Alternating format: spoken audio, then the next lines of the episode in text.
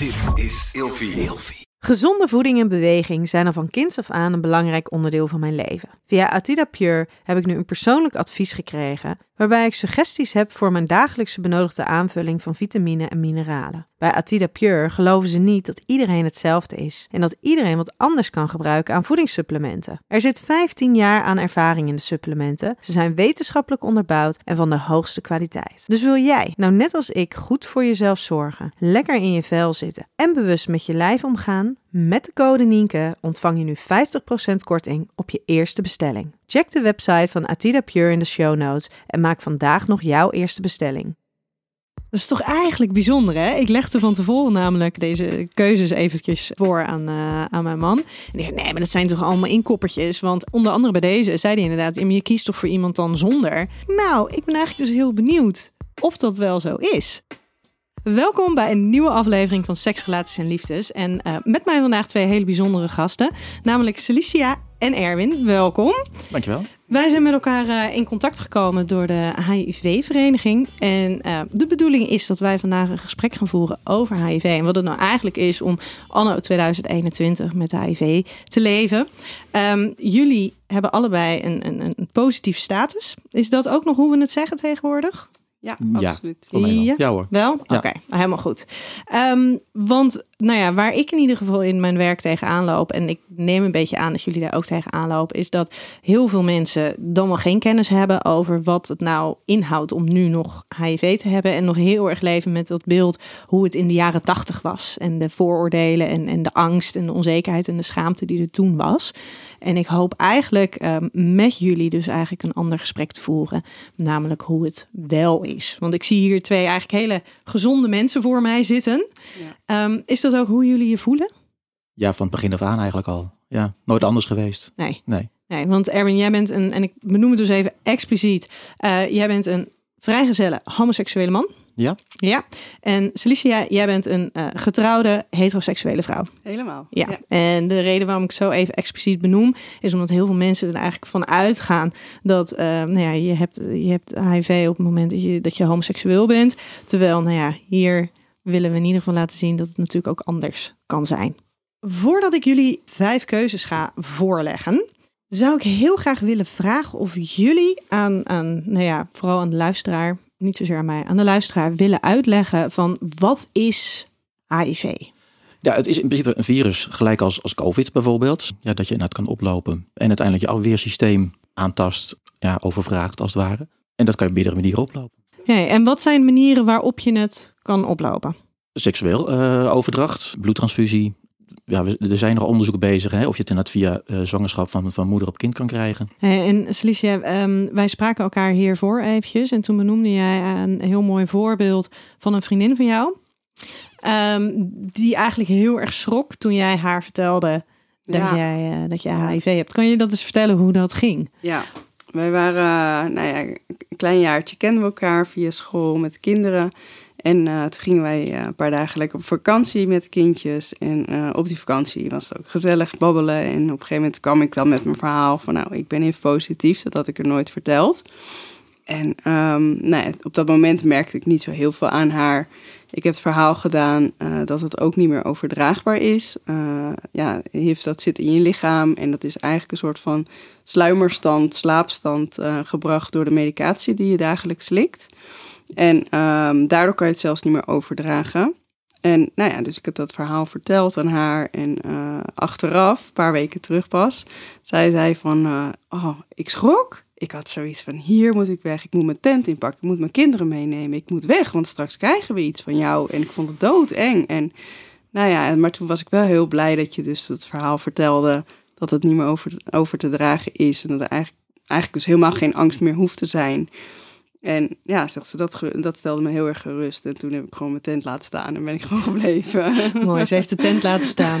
Maar haar primaire reactie was echt een reactie van angst en help. En ik moet bij jou weg. Mijn Ja. kinderen moeten bij jou weg. Want stel nou dat wij ziek worden door jou. Ja, Ja. ja. Is dat een beeld wat jij, wat jij herkent, Erwin? Nou, gelukkig niet zo heftig. Nee, maar eh, je merkt wel in het, in het ja, afsprakencircuit, datecircuit, dat het nog steeds wel een dingetje is om het te bespreken. Eh, aan de ene kant denk ik, ja, ik hoef het niet te bespreken, want het is niet, niet overdraagbaar. eh, ja. Dus waarom zou ik het erover hebben? Maar je merkt wel, als je het erover hebt, dat het dan heel vaak toch wel een reactie op de denkt van, oh, maar daar weet ik niks van en daar wil ik niet mee, niet mee geconfronteerd worden. Ja. Ja. Ja, want eh, jullie zeggen allebei al eventjes, het is niet overdraagbaar. Ehm, daar gaan we het straks nog even wat meer over hebben. Maar ik denk dat het nu ook al belangrijk is om te benoemen. Want het is zo dat als je, en vul me alsjeblieft aan, want jullie zijn hierin natuurlijk de experts. Op het moment dat je eh, het virus in je bloed hebt, dan zit daar een bepaalde virale uh, waarde in je bloed. En op het moment dat jij medicatie slikt, waar we die gelukkig in Nederland hebben we gewoon goede medicatie die, die, daar, uh, die daar goed tegen werkt, dan worden op een gegeven moment kunnen je waardes worden onmeetbaar, dan wel ondetecteerbaar. En op het moment dat die onder een bepaalde waarde zijn, dan kan je het dus niet meer overdragen. Klopt. Juist. Beter dan dat kunnen we het gewoon niet zeggen. Oké, en dat is, dat is hè, in, in, in, in zeg een soort van in, in, in de HIV-wereld, de HIV-wereld, wordt het gezegd als N is N. Ja. Dus uh, niet meetbaar is niet overdraagbaar. Klopt. Ja. En ik denk dat dat een hele belangrijke is. En een hele lange, belangrijke boodschap die, die heel veel mensen helemaal niet weten en nog nooit van hebben gehoord. Nee, en, en ook nog voor een groot deel niet wordt geloofd. Dus ook dat, je zegt het wel, je vertelt het wel. En dan zeggen ze zelf, ja, ja, dat, dat zeg je nu wel. Maar kom eens met bewijs. En, en waar kan ik dat nalezen? En, en klopt dat echt wel? Ja, en ze zijn er in Zwitserland, zijn ze daarmee begonnen. Hebben ze dat wetenschappelijk, hebben ze dat uh, bewezen, hebben ze dat onderlegd. En langzaamaan is dat wat meer, uh, nou ja, een beetje meer, meer, meer grond gaan bedekken.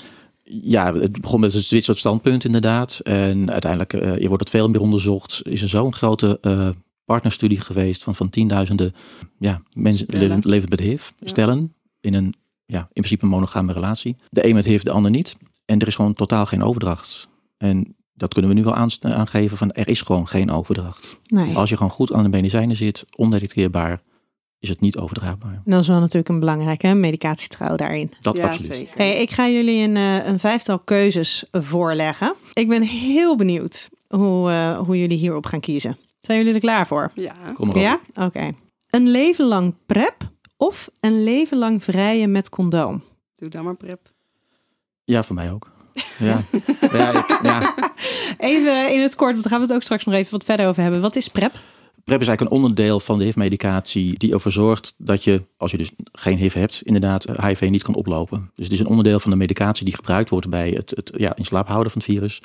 Die dus ook gebruikt wordt om het niet op te kunnen lopen. Het is echt ter preventie van. Ter preventie van, ja. ja. ja. En dat, of je slikt het inderdaad dagelijks, um, of je slikt het inderdaad op en rond uh, het moment dat je seks zou willen hebben. Wel bijzonder dat jullie allebei kiezen dan inderdaad liever ja. voor een leven lang prep dan een leven lang ik, zonder uh, met condoom. Ik ben nu ook altijd uh, mijn leven lang nu met pillen. Dus ja, dan maar die pil en dat condoom, het kan nog scheuren en dan kan je dan weer onzeker worden van shit, ja, er is natuurlijk ook een nieuwe hele studie gaan hè, van, van uh, is, is HIV te genezen? Dat, dat komt steeds dichterbij. En ja, ik zeg van, ik, ik, hoef er niet van te genezen. Want dan ben ik elke keer als je weer een date hebt, dat je denkt van, oh, was het nou wel veilig? Was het nou wel goed? En wat is veilig? Mm -hmm. denk, nou, die zorg wil ik niet meer hebben. En nu heb je het. Precies. En dat weet je. Dat weet je. en daar kan je leven. mee omgaan. Ja hoor. Volgende. Een partner met HIV of een partner zonder HIV? En we moeten kiezen. Ik zou, je moet kiezen. Ik zou zonder voor mijn partner. Ik, Zonder ik gun voor het hem je niet. partner. Ik gun het mijn partner niet om HIV te hebben. Dus dan wil ik liever dan een partner zonder HIV. Maar als ik een date zou hebben met iemand die het al heeft, ja, natuurlijk, dan ga ik ook vol voor die, uh, die persoon. Ja. Wat zou jouw keuze daar zijn? Ik date wel sneller met iemand die net al HIV heeft. Ja. ja. Makkelijker, niks uit te leggen. Uh, ja. Dat is toch eigenlijk bijzonder, hè? Ik legde van tevoren namelijk um, uh, deze, deze keuzes eventjes uh, voor aan, uh, aan mijn man. En ik dacht, nee, maar dat zijn toch allemaal inkoppertjes? Want onder andere bij deze zei hij inderdaad, je kiest toch voor iemand dan zonder? Toen dacht ik, nou, ik ben eigenlijk dus heel benieuwd of dat wel zo is. Ik zou bijna zeggen, dan ben ik niet benieuwd waarom hij daar zo over dacht. Maar... Nou, wellicht omdat je inderdaad niet wil dat je partner ziek is. Ik voel me niet ziek, dus dat, dat, dat gevoel heb ik niet. Precies dat, precies dat. En inderdaad, wat je net zegt, je hoeft niks meer uit te leggen. Kijk, ik kan niet zeggen dat je kan elkaar de eh, medicijnen delen, dat zou ik niet aanraden, maar ja, het maakt het wel een stuk makkelijker. En ik denk dat dat ook een heel belangrijk is. Van ja, maar je, je, je voelt niet dat je ziek bent. Je, je ziet jezelf niet als iemand die ziek is. Nee, nee, klopt. Nee. De volgende. Seks met een partner met HIV of een relatie met een partner met HIV? Ja, bij een relatie hoort, neem ik aan, ook wel seks. Ja, ja, dus dan naar de relatie, zeker. Bij- ja, Ja. Nee, maar als want je bij dan seks hoort niet per seks... se een relatie. Nee, precies. Maar stel seks eventjes soort van vertalen bijvoorbeeld naar een one-night stand. Ja, voor nu zou ik toch wel zeggen van, doe dan de seks maar. Ja? Ja, En, en voor jou? Ja, de relatie. Dan heb Ja. ik gewoon de seks en al in één. Toch? Dus krijg je ook die seks erbij. Maar is dat, is dat dan je overweging? Want wat is, wat is de overweging om, om daarvoor te kiezen? Nee, ik heb hier echt geen overweging Nee? in. Nee, het is voor mij allebei prima. En voor Ja. jou? ik weet niet of ik nu nog in een relatie zou willen stappen. Dus nee, Überhaupt niet. überhaupt niet. Maar dan ligt het meer aan, het, aan, aan een vraagstuk rondom de relatie. en Of je dat zou willen. precies, Ja. Ja, Ja. want de reden waarom ik deze erin had gedaan is... als je het hebt over, over HIV... een van de dingen die natuurlijk daarin belangrijk is... ehm, is bijvoorbeeld medicatietrouw. En als je een, een, een one-night stand hebt... als je seks hebt met iemand die je eigenlijk voor de rest niet zo heel erg goed kent... en je weet dat die eh, HIV-positief is... in hoeverre kan je er dan op vertrouwen... dat er bijvoorbeeld sprake is van medicatietrouw? Nee, daar kan je niet op Niet? vertrouwen. Nee. Nee. Nee. En binnen de context van een relatie kan je Ja. daar wellicht wat meer op vertrouwen. Ja. Mm, Ja, qua medicatie misschien wel, maar ik weet niet wat hij doet buiten de deur. En is er een verschil van jij, want jij, jij hè, kiest dus inderdaad voor, voor de seks. Zou dat anders geweest zijn als jij zelf niet positief zou zijn? Want nu heb Mm, jij natuurlijk ook niet angst dat je het Nee, krijgt. Inderdaad. Maar dat had ik toen ook niet. Dus dan zou ik nog steeds wel gewoon voor de seks gaan. De volgende. In stilte leven met HIV of in de openbaarheid treden met HIV.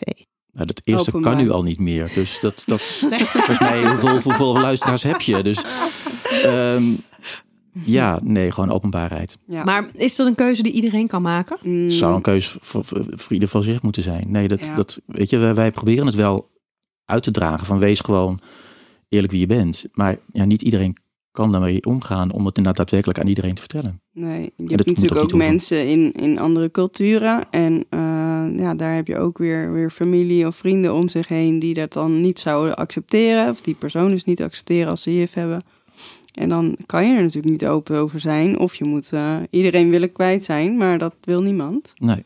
Maar ja, ik heb dat ik net HIV, HIV positief raakte, of dat ik het wist, zeg maar, heeft mijn internist me wel op het hart gedrukt. Ga er niet gelijk open boek en open kaart in spelen, want je weet niet hoe mensen reageren.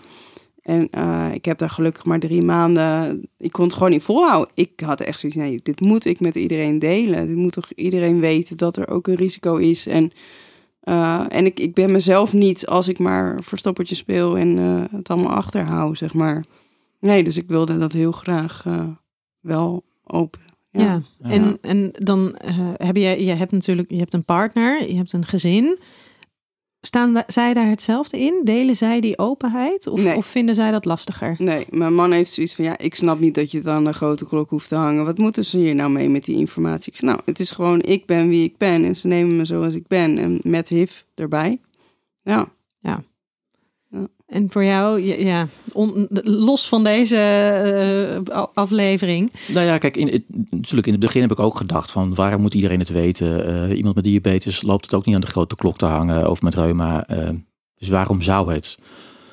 Maar op een gegeven moment merk je wel van ja, ik neem dus wel iedere keer toch een geheim mee. En dat, dat, ja, dat drukte er best wel zwaar op op een gegeven moment.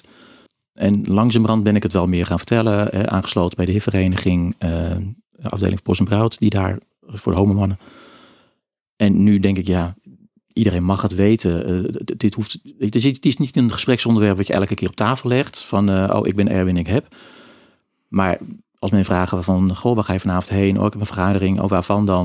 Nou, van de vereniging, prima. Ja. En dan mogen ze bij de best doorvragen. Ja. En het is natuurlijk heel belangrijk, denk ik, dat eh, HIV een gezicht krijgt. absoluut. Ja, Ja, dat zeker. Ja, Gewoon van mensen zoals jullie. ja, ja. ook maar gewone mensen. ja. Ja. ja. Hey, de laatste keuzen. HIV krijgen of HIV overdragen? krijgen. Ja, krijgen. Ja, natuurlijk. Ik hoop het niet over te dragen. Dat nee. kan ook niet meer, maar nee.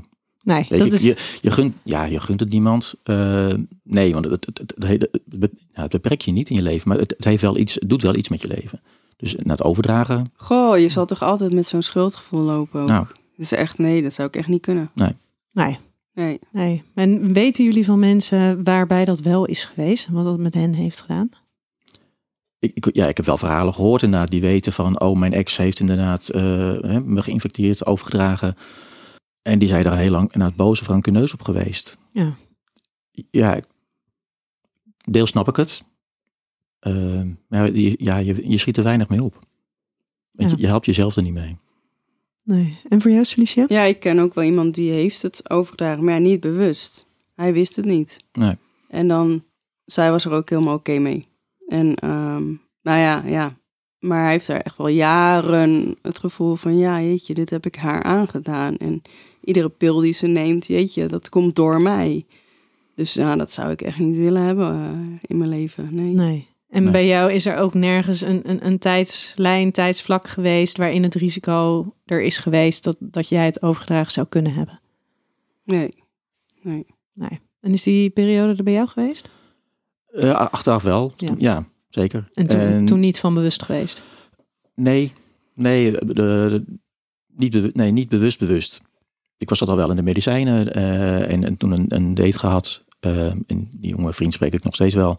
En ik heb ze echt wel in, toen het idee gehad, eh, toen hij later zei van ja, ik ben ook positief, dat ik potverdorie, toch via mij. Kan niet, kon echt niet. Eh, maar dat hebben we wel eh, continu moeten, nou, nou, doorgesproken, regelmatig wel even besproken. Van, nou, echt, wanneer heb jij dan de, de, de uitslag gekregen? Oh ja, nee, dat kan inderdaad gewoon niet van mij zijn. Hey, wij gaan ehm, zo naar de stellingen. Ik heb vijf stellingen voor jullie.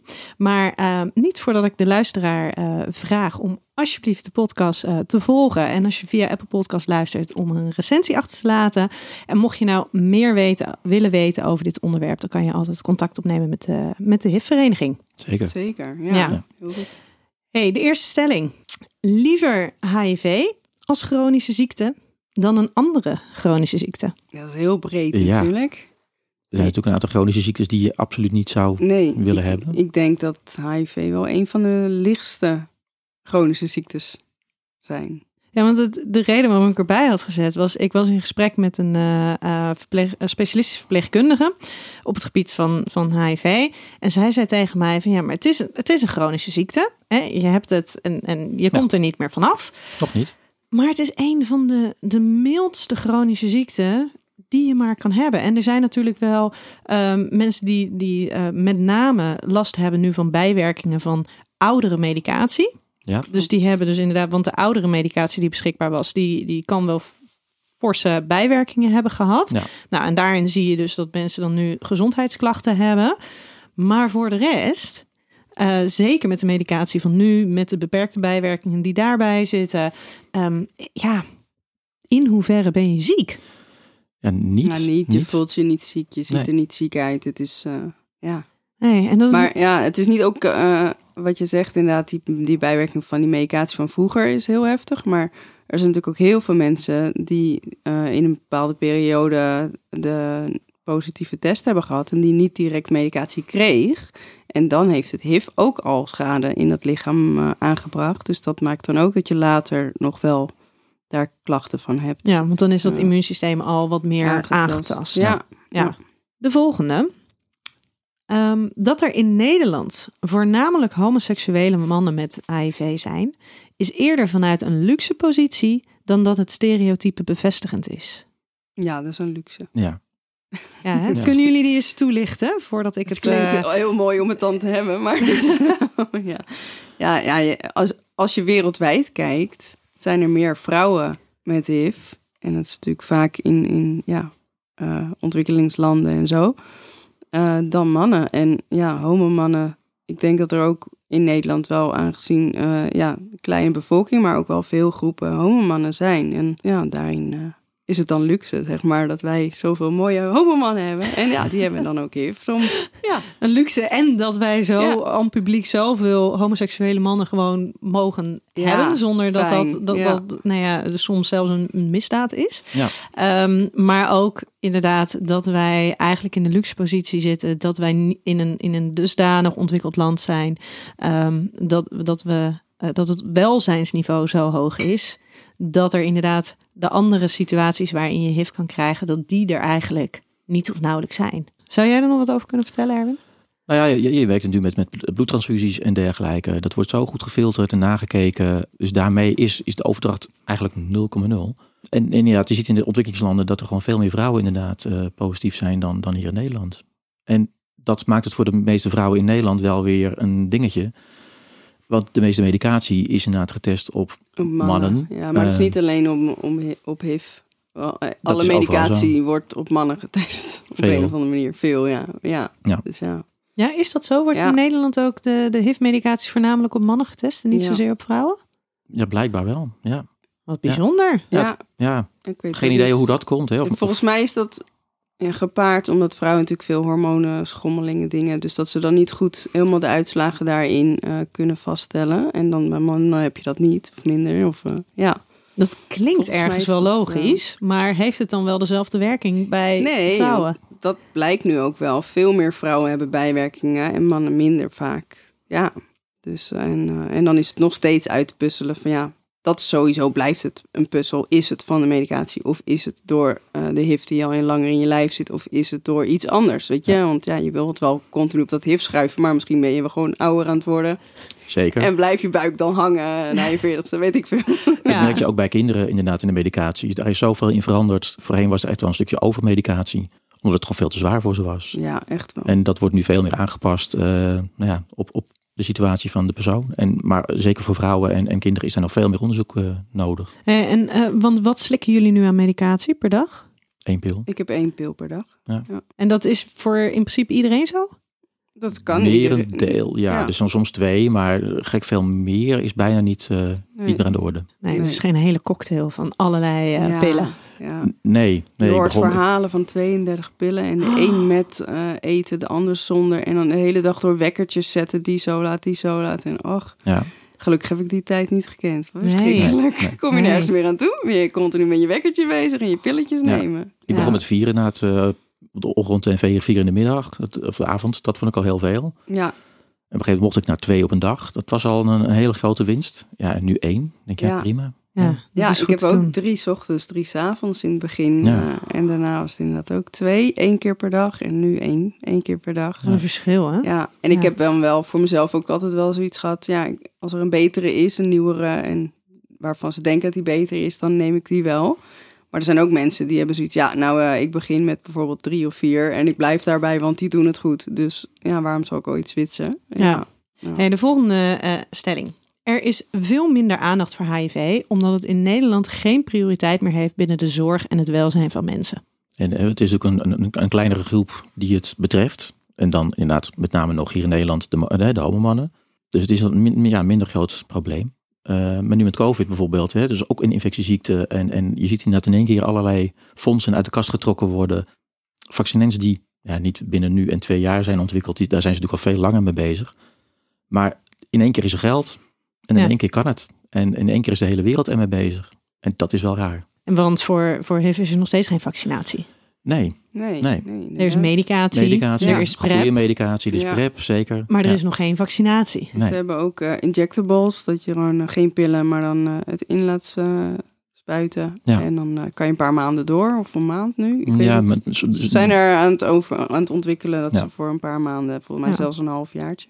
Dus er Ja. zijn Maar ja, wel niet, ontwikkelingen, ja. maar niet als dusdanig. het gaat heel traag. Ja. Ja. En het gaat al eh 40 jaar Nee, heel daarom, traag. daarom. Ja. Ja. Ja, eigenlijk Ja. wel. Ongelooflijk eigenlijk, hè? Ja. Ja. En nu komen er natuurlijk in ieder geval in Nederland veel men- minder mensen aan te komen eh, aan te overlijden. Ja. Dus in hoeverre Dus is daar dat dus die prioriteit? Ja, Ja. We zijn echt blij met een aantal onderzoekers die er gewoon continu op gefocust blijven. zeker. Ja. Die moeten vooral eh, blijven doorgaan. Mensen die HIV-positief zijn, houden het stigma en de schaamte rond HIV zelf in stand. Nee, we merken het sowieso bij de, bij de bijeenkomsten dat er heel veel mensen nog leven met ja, ik ga het me niet vertellen en Ja. het hoeft allemaal niet te weten. En en dat zelfstigma is, is nog best heel groot. Ja. En het is best lastig om dat te doorbreken. En het hoeft natuurlijk niet, iedereen hoeft het aan de hele wereld te verkondigen, want het maakt je ook kwetsbaar voor vooroordelen van, Ja. van anderen.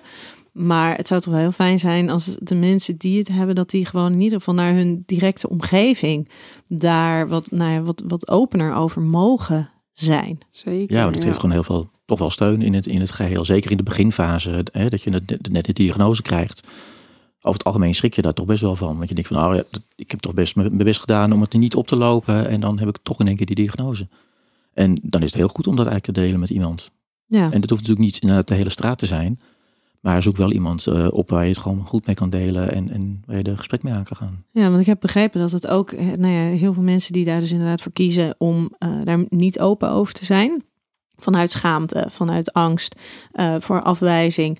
Dat daar dus ook heel veel eenzaamheid Ja, bij komt kijken. En als je dan kijkt naar wat de impact daarvan is Tja. op je gezondheid. Ja, heel erg. Ja, dat Ja. brengt natuurlijk stress mee. Stress voor niks goed. Dus dan, eh, Ja. ja. we weten ook dat, dat eenzaamheid is een van de grootste factoren in, in gezondheidsproblemen. Ja. ja. Dus als je dan al een, een, een afweersysteem hebt wat nou ja, misschien niet helemaal lekker werkt of hè, ehm, wat al alle ondersteuning kan gebruiken, dat je daardoor dus nog meer eh, nou ja, gezondheidsklachten kan krijgen. Het afgelopen jaar hebben we natuurlijk elkaar niet kunnen zien, niet kunnen spreken. Ja, wat, wat Zoom eventueel.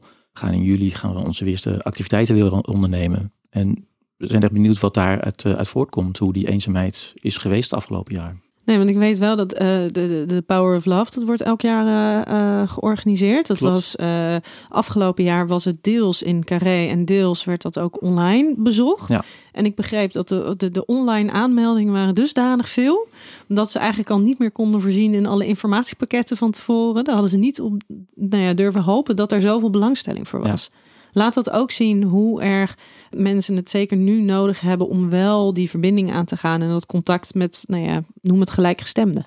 Kijk, sowieso is dat een heel mooi programma van eh, de Power of Love. Eh, Absoluut. Dus die is sowieso een, bijna een feestje om er gewoon bij te zijn. En Carré is natuurlijk een hele mooie locatie, dat ook nog. Maar ja, dat er inderdaad zoveel eh, aanmeldingen zijn geweest via Zoom, dat, eh, dat is Ja. mooi om te zien. Ja. En dat hoorde je sowieso wel in de voorgaande jaren ook wel van eh, ook vrienden meegevraagd. Nou, ga je mee? Gewoon een leuke dag, heerlijke Ja. lunch. eh, Ja, Ja, dat mooi. is nou ja, echt mooie, mooie entertainment eh, over het algemeen. Eh, maar die zegt dat ja, maar stel dat ik iemand tegenkom denk dan gelijk die het dit nog niet dat weet. Of, ja. of ja, en dat, Ja. dat merk je nog steeds. Ja. Bijzonder hè, terwijl je daar dus op zo'n locatie bent waar juist iedereen, nou ja, in ieder geval er open en begripvol naar is. ja, maar ja goed, hier zal je dates van de week daarvoor maar tegenkomen. Oeh, ja, maar dat is dan wel een dubbele, hè? want zij zijn daar ook. Ja. Ook met een reden. Ja, precies. Ja, Ja. Maar dat, dat, dat, dat hoor je dus nog wel Maar ja, terug ik heb ook een verhaal gehoord van iemand en die had al kaartjes voor de Power of Love een paar jaar terug. En die uiteindelijk is die niet gegaan, want een, eh, er was iemand aan het werk in Carré die zij persoonlijk kennen en die weet niks van, van eh, de status. Dus ja, Ja, dan ga je niet binnen, want stel dat zij net jouw werk kaartje is. Ja, controleert. Maar dat laat dus Ja. ook wel zien hoe nodig het dus is dat mensen een ander gesprek over HIV gaan Ja. voeren. ja, en dat we er gewoon duidelijk eh, over mogen praten. Ook, ook in een privésituatie eh, of op werk, eh, Ja. waar dan ook. Ja. Maar ja, het komt natuurlijk wel als je erover praat. Dus de eerste vraag, hoe kom je eraan? Wie, van wie weet je hoe en wat en waar? Ja, iedereen wil gewoon dat beeld, want die wil dat dan voor zichzelf zo kunnen dichttimmeren van, oh, dan heb ik geen risico gelopen. En het is natuurlijk heel goed, maar dat maakt voor sommige mensen toch wel dat ze het moeilijk vinden om dan eh, daar open over te zijn. Ja. Omdat die misschien even een keer buiten het boekje omgegaan zijn. Ja, Ja, maar het en is daar wil je dan niet open over zijn. Of Ja, maar het is natuurlijk ook wel een vraag waar eigenlijk een soort van heel erg oordeel. Op Ja. Zeker. Maar Ja. ook voor jezelf, weet Want- je wel. Als er dan aan je gevraagd, ik vraag dit nu niet persoonlijk aan jou hoor, maar als er inderdaad wordt gevraagd aan jou van goh, maar hoe heb je het dan gekregen? Ja, Ehm, ze willen het weten, omdat ze ook willen weten van oh, dus jij hebt dat ja. gedaan. ja dat vingertje. Dus Ja. het is je eigen schuld geweest. Dus oh, je bent een slachtoffer. Dus Ja. is eigenlijk een enorme oordelende vraag. In Ja. plaats van, goh, maar hoe gaat het met je? en vind je het lastig Ja. om het te hebben? En nou ja, voel je je ziek? Of ja.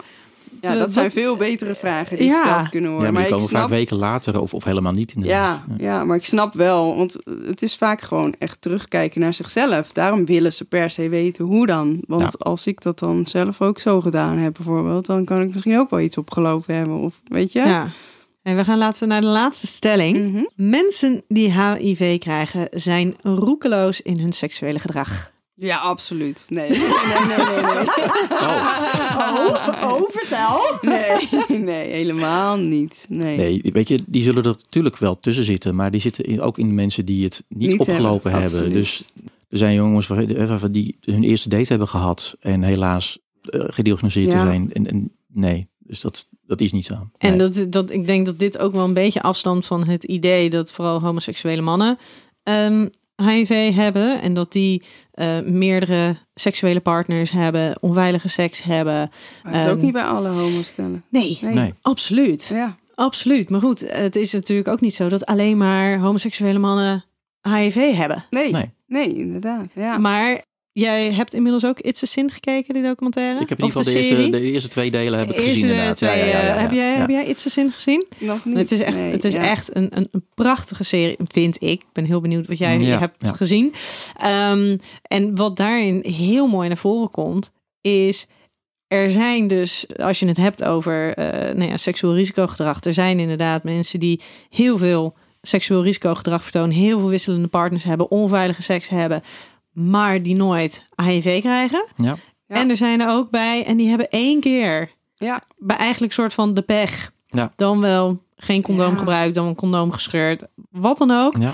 En die krijgen het. Ja, Ja. het hoeft maar één keer. Het, het hoeft maar één persoon die het je geeft. eh. dus ja, En ten tweede is het een heel zwak virus, dus het is best wel lastig om het... Je, je, je moet bijna be- best wel je best doen ja. om het te krijgen. Ja. Maar ja, inderdaad, Ja. ja. het zal net die ene keer zijn. Nou, maar Ja. dat is inderdaad ook wel een hele goeie. Want er zijn, als je, als je hem even onder de SOA's laat vallen, er zijn heel veel SOA's die je veel makkelijker Makkelijk. krijgt Zeker van HIV. weten. Ja. HIV, dan moet je echt inderdaad je best doen Ja. Ja. om dat te krijgen. Ja. En als ik me goed herinner, is de kans dat een vrouw het aan een man geeft eigenlijk ook zeer klein. klein. Ja. Ja. En de reden waarom mannen, homoseksuele mannen, het eerder aan elkaar overgeven, is omdat bij anale seks heb je zowel hè, het anale contact, dus daar het slijmvlies, dan Ja. wel als er wat scheurtjes ontstaan bij het anale seks, dan kan het dus daarin ook nog eens, is er Ja. ook een verhoogd risico. Klopt. Dus En- het feit dat eh, de meeste mannen, nou ja, wij weten ook niet of er een andere eh, SOA aanwezig is.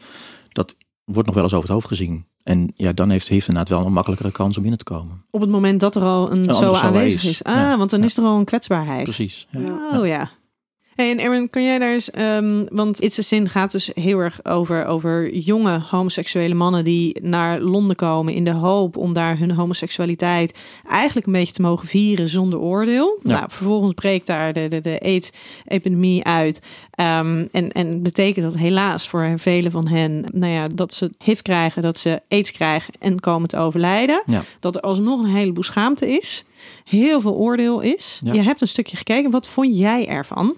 Het vond het wel heel stereoperend, stereotyperend Mhm. wel weer. Dat je, denkt, oh ja. Maar goed, ik, ik, ik ben nog heel erg benieuwd hoe het eindigt in de laatste aflevering.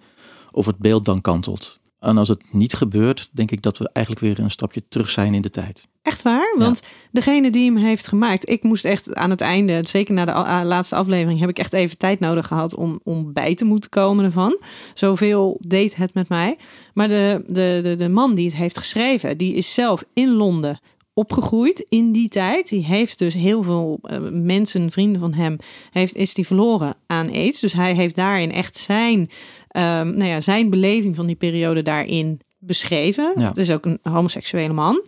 Ehm, dan vind ik het wel bijzonder dat voor hem was het dus inderdaad echt een soort van beschrijving van hoe hij dat heeft ervaren. En dat jij dus aangeeft van ja, maar ik vind het wel weer heel stereotyperend en het voelt eerder als een stukje terug. Een Nou ja, is- het is natuurlijk een tijdsbeeld. Toen zal het zeker een, een, een groot deel zo geweest zijn. Maar inderdaad, in, wel in zijn belevingswereld. Ik ben ook naar clubs geweest in die tijd. Maar daar heb ik ook niet eh nou, rondgehoereerd, zeg maar. Dus het is ook daar net een beetje in welke scene zit je en welke, waar kom je terecht. Maar dus ik, ik hoop heel erg dat het aan, in, in episode 5... Ja, hè, dat er geen kopjes meer stuk geslagen worden... omdat je het via eh, een, een, een koffiebekertje over zou kunnen dragen. Dat dat beeld weg is. Want daar Ja. hebben we zo hard voor gevochten dat dat niet zo is. Maar dat wordt nog wel ontkracht. Nou ja, Oeh. dat hoop ik dus. Ja, maar dat is inderdaad, dat wordt wel in, dat is namelijk, niemand wist ervan. Hè? Het was hartstikke onzeker. En eigenlijk een beetje vergelijkbaar met hoe hier iedereen met COVID omging in het begin. Ja. Van help, wat is het? En we mogen geen kopjes meer serveren, want dadelijk zit je aan een kopje en dan, dan Ja. krijg je het. En dat is letterlijk wel een van de voorbeelden die daarin geschetst wordt. En dat is onwijs confronterend. Ja. Maar het is ook wel hoe het toen werd geschetst. Nee, zeker. En waarvan ik toch ook wel bang ben dat er nu nog heel veel mensen denken dat het zo zit. Ja, maar dat, dat is ook zo. En, en dat hebben we, ja, daar hebben we natuurlijk de afgelopen jaren heel erg naar gestreden om dat uit het beeld te krijgen. Van dat was toen en dat is niet meer nu. Nee. Ehm, dus ik, ik hoop, nou dat zeg ik, ik moet, ik moet gewoon de vijfde aflevering het, uit het slot gewoon bekijken van oké, wat komt daaruit? Hoe hebben ze het beeld gekanteld? Eh, kunnen ze laten zien wat het nu is? Nee, Nee. het blijft wel toen. Ja, Het blijft wel bij het beeld toen. ja. En dan, Nou, dan moeten wij een nieuw filmpje gaan maken. ja, Ja, maar daarin dus ook wel het komt. Nou ja, ja, ik vond het juist wel sterk dat dus als je weet wat je nu weet over hoe het nu zit, en dat je dan dus eigenlijk ook een soort van met, met pijn zit aan het kijken bent naar hoe ze toen dachten Ja. dat het toen was. op zich vind ik de, de parallel met COVID, die heb ik van het begin af aan al wel een beetje getrokken. Van nou, kijk nu, het, het kan dus iedereen overkomen. Hè, COVID, dat, dat kijkt niet naar wie je bent, wat je bent, welke kleur, welk geslacht of welke, seksuele voorkeur. Heeft eigenlijk ook niet 1, Nee. 2, 3. Heeft discrimineerd niet hoor. Nee, Man, eh, dus dat, dat vond ik op zich wel, heb ik heel veel parallel ook meegetrokken. Ook met de HIV-vereniging wel eh, dingen besproken. De corona-app besproken van moeten we dat wel willen? Eh, moet er ergens geregistreerd zijn dat ik wel of niet gevaccineerd ben? Want straks moet ik ergens laten zien dat ik HIV-positief ben en medicijnen slik. Daar, heb Daar ik word je ook niet blij van. ik niet blij van. Nee. En we horen van de eerste zin ook heel veel terug in de community. Van die zeggen, één, oh, hele mooie film, een mooie serie, eh, moet je kijken. Maar En de ander zegt, nee, ja, met, we worden weer weggezet als een stelletje seksbeluste mensen. Ja. ja. Ja. Maar dat snap ik inderdaad wel als je, het, als, je, als, je, als je denkt dat dat dus nu ook nog steeds is hoe daarover gedacht wordt. Dan snap ik inderdaad En dat zo dat wordt is. er nog steeds over gedacht. Ja, en dat is natuurlijk een beetje het gevaarlijke. Hè? Want ehm, een van de dingen die jij ook aanhaalde, waarvan je het belangrijk vond om ook even te benoemen, was dat de angst bij jonge homoseksuele mannen, die is daar nog steeds. Ja, gek genoeg. Ja, die is er nog steeds. Als je dit hè, in, in de dating apps of, of chatrooms bespreekt, eh, dan is die er zeker. Terwijl ze het allemaal wel zonder condoom willen doen. Ze, Dus, ze willen het zonder condoom doen. ja, Ja. Ze tonen expliciete naaktbeelden, ja, ehm, waar, li- waarin het lijkt dat ze heel open en, en vrij zijn. vrij zijn. En uiteindelijk, zodra het dan eh, over HIV komt, dan is het deur dicht, gordijnen dicht en dan willen ze er niks van weten. Ook al is het risico op besmetting Nul. Ja. Ja. Dus ze doen het liever, en dat, dat heb ik wel vaker al voorgelegd, ze doen het dus liever met iemand waarvan ze niet weten wat zijn status is. Ja, En lopen dus meer veel risico. groter risico. Dan Ja. dat ze het willen doen met iemand van, ja, waar het gewoon eigenlijk veilig mee, mee kan. Ja. Hey, en ehm Celicia, ehm, jij was zwanger Ja. toen jij HIV-positief was. Ja. Ehm, hoe is dat om zwanger te zijn terwijl je HIV-positief bent? Ja, ehm, ja, ik heb bewust gekozen voor een zwangerschap. En ik wist al dat ik HIV-positief ben. En toen kreeg ik ook wel heel goede informatie eh, van de internist. Dat het, waar ik in het ziekenhuis liep, dat daar gewoon echt eh, al 15 jaar geen kindje geboren is die dan HIV-positief was. Dus dat stelde mij enorm gerust. En eh, daarmee had ik ook echt goede hoop van, nou, dan is het een goede zwangerschap, prima. En de zwangerschap was echt top. Ik heb echt eh, er vol van genoten. En, eh, en het is eigenlijk het enige momentje dat je dus weet dat je HIV-positief bent, was tijdens de bevalling. Ehm, ze zeiden ook van, nou kom, zodra je iets voelt, het idee hebt dat er gaat beginnen, kom gelijk naar het ziekenhuis. En dan geven we jou nou medicatie, gewoon via infuus. En dan heb je sowieso natuurlijk de pillen die ik dagelijks voor mezelf slik, die het onderdrukt hebben. Plus dan nog extra medicatie voor dat dan eh, te onderdrukken. En dan is er gewoon ja, bijna geen risico meer om het over te dragen. En ehm, ik, nou ja, dat stelde je al vooraf al gerust. Maar eh, toen ging ik uiteindelijk dus werkelijk bevallen. En ik kom in het ziekenhuis aan om eh, vijf voor één 's middags. En om kwart voor twee ligt mijn dochter al in mijn armen. En ze zeiden, je moet toch minimaal vier uur of twee uur sowieso die medicatie hebben voordat je bevalling echt is. En toen dacht ik achteraf wel even, oeh, het is maar drie kwartier. Dit was wat kort van Eigenlijk tevoren. Zelfs nog korter, want voordat ze me infuus hadden aange was het al tien over één. Dus ja, kwart voor twee is dan al heel snel. Nou, je dochter was gewoon te vroeg. Ja, was- Jij was niet te laat, nog te vroeg. Ja, sowieso negen dagen te vroeg, maar, maar dan nog. eh, ja. Ehm, dus dat heeft me achteraf wel even dat ik daar in mijn hoofd mee zat van... oh jee, heb ik nu dan echt wel genoeg eh, ja, spul onderdrukt? En, eh, nou ja. en ze hebben haar dan wel bij de geboorte ook gelijk medicatie gegeven. En dat was dan ook vloeistofje wat ze dan twee keer per dag moesten geven. Of nee, vier keer. Iedere zes uur moesten we dat geven. En, ehm, nou, en ik- ja, ik voelde wel aan de ene kant toch wel van, nou, ik denk wel dat het allemaal goed zit. En ik maakte me er niet heel erg druk om of ze wel of, eh, of dat ze het eh, zou hebben. Want ik had echt wel het idee, nee, die is wel negatief. Dat is gewoon goed. Maar we hebben één keertje, dat was wel even een paniekmomentje, hebben we dubbele medicatie gegeven. Want zij kreeg dus het ene moment één vloeistofje, het andere moment twee vloeistofjes. En dat moest dus om en om, vier weken lang. En toen was het dus precies om 12 uur s avonds gingen we dus normaal de één uh, vloeistof doen. En nu deed ik de twee. En ik stond op dat moment nog niet direct bij stil. En ging weer terug mijn bed in. En uh, toen zei mijn man, uh, heb je één of twee gegeven? Ja, twee. Twee? Oh nee, dat mag niet. En nee, ja, shit. En wat? Ja, nou ja, dus toen ben ik half ziekenhuis in Nederland allemaal af gaan bellen. En niemand die ik te pakken kreeg, wist iets van HIV en de medicatie. En doktersposten. En nou ja, al met al wisten ze me dan s'morgens om half zes weer te bereiken met een internist die er wel wat van wist. Nou, ik heb zelfs nog iemand van die vereniging, die was nog in Italië op vakantie midden in de nacht gebeld. En uh, hij had ook daar zijn spullen niet bij om daar ja, goed onderzoek naar te doen, hoe of wat. Nou ja, en um, nou ja, ik moest om zes uur s morgens dus weer de volgende medicatie. Maar dat waren er dus wel ook twee eigenlijk. Dus ja, ik wist niet, moet ik er dan weer twee of moet ik dan toch omswitchen naar één? En uiteindelijk mocht het gewoon doorgaan zoals we het deden. Maar um, ja, dat was wel even paniek. En daar had ik ook niet van tevoren over nagedacht. Van ja, hoe, wat en waar. Je ging ervan uit, oh, dat komt wel goed. Maar, maar ja. Maar ook wel bijzonder dat je dan dus um, een appel probeert te doen op het ziekenhuis, op artsen, ja. op hulp, op informatie. Ja. En dat daar dus niemand beschikbaar is die jou daarin iets over kan vertellen. Ja. Echt verschrikkelijk. Ja, en ik kreeg nog een rekening van de, van de dokterspost eh, uit de Bollenstreek. Van jij, eh, je hebt met ons gebeld, het kostte 25 euro. Maar ik ben niet eens geholpen, weet je wel. En eh, toen hebben ze mij uiteindelijk eh, bij het ziekenhuis gezegd... ga maar de dokterspost Amsterdam, misschien weten die er meer van. Of het AMC. En eh, nou ja, dus daar ben ik wel geholpen. En daar kreeg ik helemaal geen rekening van. Dus nou, dat vind ik echt ook eh, absurd. Ja, dat is dan ook zo'n fijne Ja. nasleep. opzichte Nou, van. inderdaad. Ja. Ja. Hey, Ja. we moeten hem ehm, zo weer gaan afronden. Mhm. Is er nog iets waarvan jullie denken, nou, dit hebben we nog niet besproken, maar dit vind ik wel heel belangrijk om nog te delen? Nou ja, ik denk dat het sowieso eh, goed is dat als je inderdaad seksueel contact hebt gehad waarbij je twijfelt of je inderdaad een SOA hebt opgelopen, eh, ja, wees gewoon niet bang. Ga naar de GGD, doe een test. Je kan er maar beter snel bij zijn en, en gelijk aan de medicijnen. Dan dat je toch een tijd door blijft lopen eh, en, en ja, die onzekerheid hebt. Plus het feit, de tijd dat jij onzeker bent eh, en je hebt wel iets bijgedragen, dan je, je kan toch wel overdragen. Ja. Dus ja, wees er gewoon snel bij. Eh, en wees er niet bang voor. Plus in die periode, eh, naast de onzekerheid en het risico dat je het aan iemand anders kan overdragen, tast het wel je eigen lijf aan als je nog niet aan de medicatie zit. En voor jou, Celicia? Ja, ik vind dat inderdaad ook een heel belangrijke. Ik heb nog niet gezegd, mijn dochter is dus negatief. Dus ja, Jee, dat, dat is fijn. super fijn. Ja. Was dat ergens nog een spannend moment dat daar een test kwam? En... Mm, niet echt, maar wel. Ja, ja, ze hebben een test gedaan eh, nadat ze een maand was. En na drie maanden. En na anderhalf jaar weer. En nou, allemaal negatief. En dat had ik ook eigenlijk ook wel in mijn hoofd. Dat zit wel goed. Ja, maar toch.